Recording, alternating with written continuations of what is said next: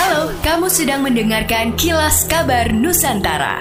Podcast persembahan KG Radio Network menyajikan berita harian yang mengangkat keunikan dari berbagai wilayah Indonesia. Kilas Kabar Nusantara dapat juga didukung oleh pengiklan loh.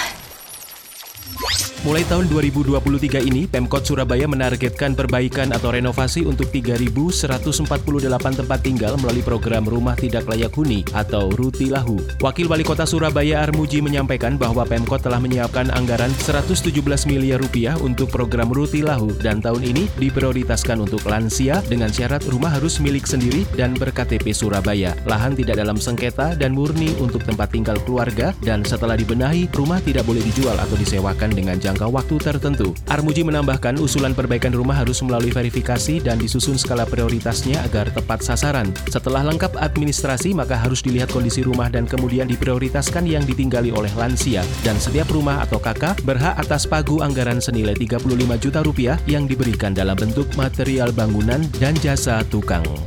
Polda Kalimantan Selatan menyatakan komitmennya untuk menangani masalah pertambangan ilegal yang terbukti merusak lingkungan dan merugikan masyarakat serta negara. Diungkapkan Kapolda Kalimantan Selatan Andi Rian Jayadi, jika masih ada tambang ilegal yang ditemukan, maka pihaknya akan bertindak dan melakukan penutupan operasionalnya.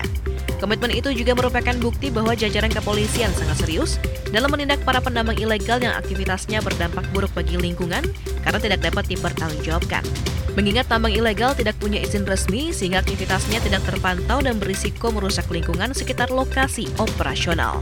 Wali Kota Pontianak Edi Rusdi Kamtono meresmikan uji coba pelayanan Rumah Sakit Umum Daerah atau RSUD Pontianak Utara Kota Pontianak. Peresmian awal atau soft launching ini juga dihadiri Wakil Wali Kota Pontianak Bahasan, jajaran DPRD Kota Pontianak, jajaran Forkopimda Kota Pontianak dan masyarakat pada hari Jumat 30 Desember 2022. Sebagaimana diketahui, RSUD Pontianak Utara merupakan rumah sakit tipe D berlokasi di Jalan Katulistiwa, Kelurahan Siantan Hilir. Gedung RSUD ini baru selesai pembangunannya. Rumah sakit yang mulai dikerjakan sejak akhir tahun 2021 ini dibangun dengan menelan anggaran sebesar 47 miliar secara multi years untuk tiga tahun anggaran.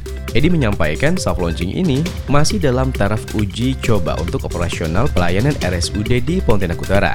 Ia berharap pelayanan yang diberikan oleh petugas lebih humanis, ramah, dan ikhlas melayani. Demikianlah kilas kabar Nusantara pagi ini.